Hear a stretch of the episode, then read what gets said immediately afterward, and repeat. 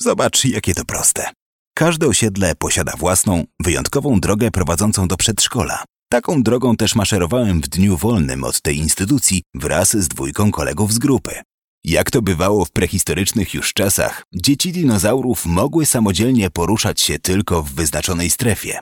Jednak tego dnia nikt nas nie pilnował, bo nie zawsze wolne od przedszkola oznaczało wolnego dla dorosłych od pracy, przez co bez strachu przed gniewem rodziców mogliśmy poznać świat znany nam tylko z opowieści starszego brata. Choć z trudem większym niż zdobycie morskiego oka, muszę przyznać, że wyjątkowo starszy brat miał rację. Wszystko poza drogą do przedszkola to jedno wielkie bagno, przypominające zaminowane miasteczko South Park, w którym każdy, nawet jego najmniejszy mieszkaniec, chce kogoś zabić, wcale nie będąc tego świadomym.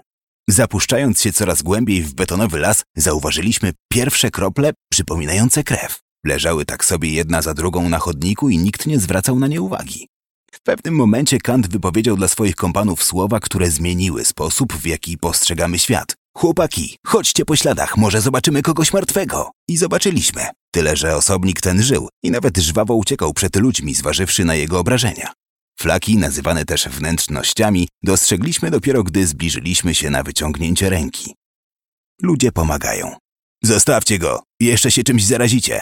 Niech zdycha. Oraz wiele gorszych odpowiedzi nie zraziło nas. Złapałem osobnika w ręce, spojrzałem prosto w jego zwykłe, małe oczka i powiedziałem: Zrobimy wszystko, byś znów mógł latać. Jak się później okazało, był to wyjątkowy gołąb, co potwierdzała obrączka na nóżce. Chłopaki, wiem kto leczy zwierzęta. Kiedy nasz pies złamał nogę, tata zabrał go do lekarza od zwierząt, powiedziałem. Tylko gdzie odnajdziemy tego lekarza? odparł kolega. Po chwili pewien przechodzień powiedział nam, że weterynarz, którego szukamy, jest zaraz za przedszkolem. Machając niezdarnie nogami, dobiegliśmy do wskazanego miejsca. Otworzyłem drzwi i krzyknąłem ze wszystkich sił: Potrzebny nam lekarz! Po chwili przybiegła kobieta w białym fartuchu, spojrzała na chłopca ubrudzonego we krwi i krzyknęła: Maniek, dzwoń po karetkę! Kiedy opowiedziałem o tym, co zaszło, Maniek zaczął wrzeszczeć. Wyrzuć tego smarkacza, bo jeszcze jakieś paskudztwo przejdzie z niego na mięso. Ty jesteś lekarzem? Ty chuj jesteś, a nie lekarz, powiedziałem zanim uciekłem ze sklepu.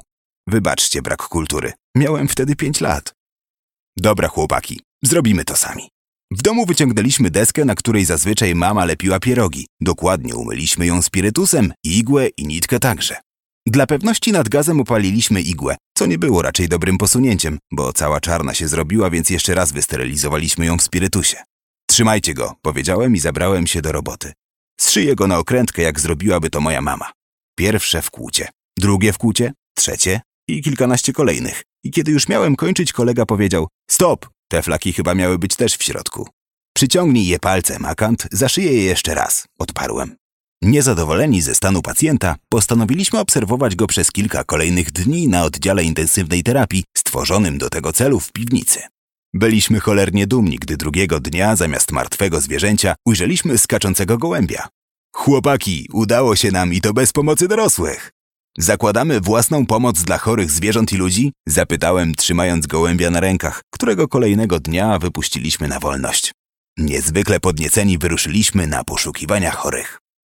Operacja się udała. Długo szukać nie musieliśmy, gdyż chomik mieszkający w klatce u Kanta posiadał dziwną narośl na głowie. Ty, a był twój tata u weterynarza? zapytał kolega.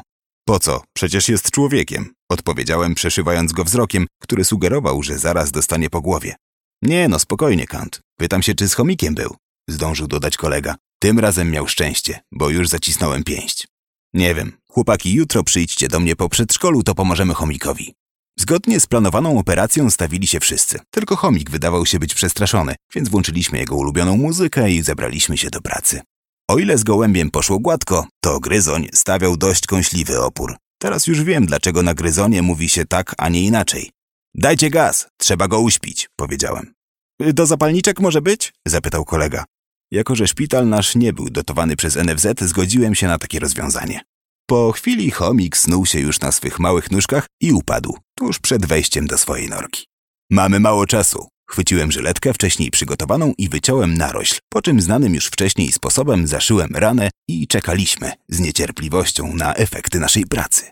Po jakichś dwudziestu minutach chomik się obudził. Postawił pierwsze kroki, po czym upadł i już nigdy nie wstał. Chłopaki, operacja się udała. Tylko pacjent zmarł, powiedział Kant. Teraz trzeba zorganizować pogrzeb. Tak było, jak zmarła moja babcia, dodał kolega. Jak się domyślacie, pogrzeb i cała jego oprawa była przepiękna, a miejsce wiecznego spoczynku niech pozostanie tajemnicą. Chłopaki, udało nam się bez pomocy dorosłych. Zakładamy zakład pogrzebowy? Nazwiemy go pod balkonem. Po czym wyruszyliśmy w poszukiwaniu zmarłych zwierząt. Czytał Przemysław Pikiel. Tekst historia myślnik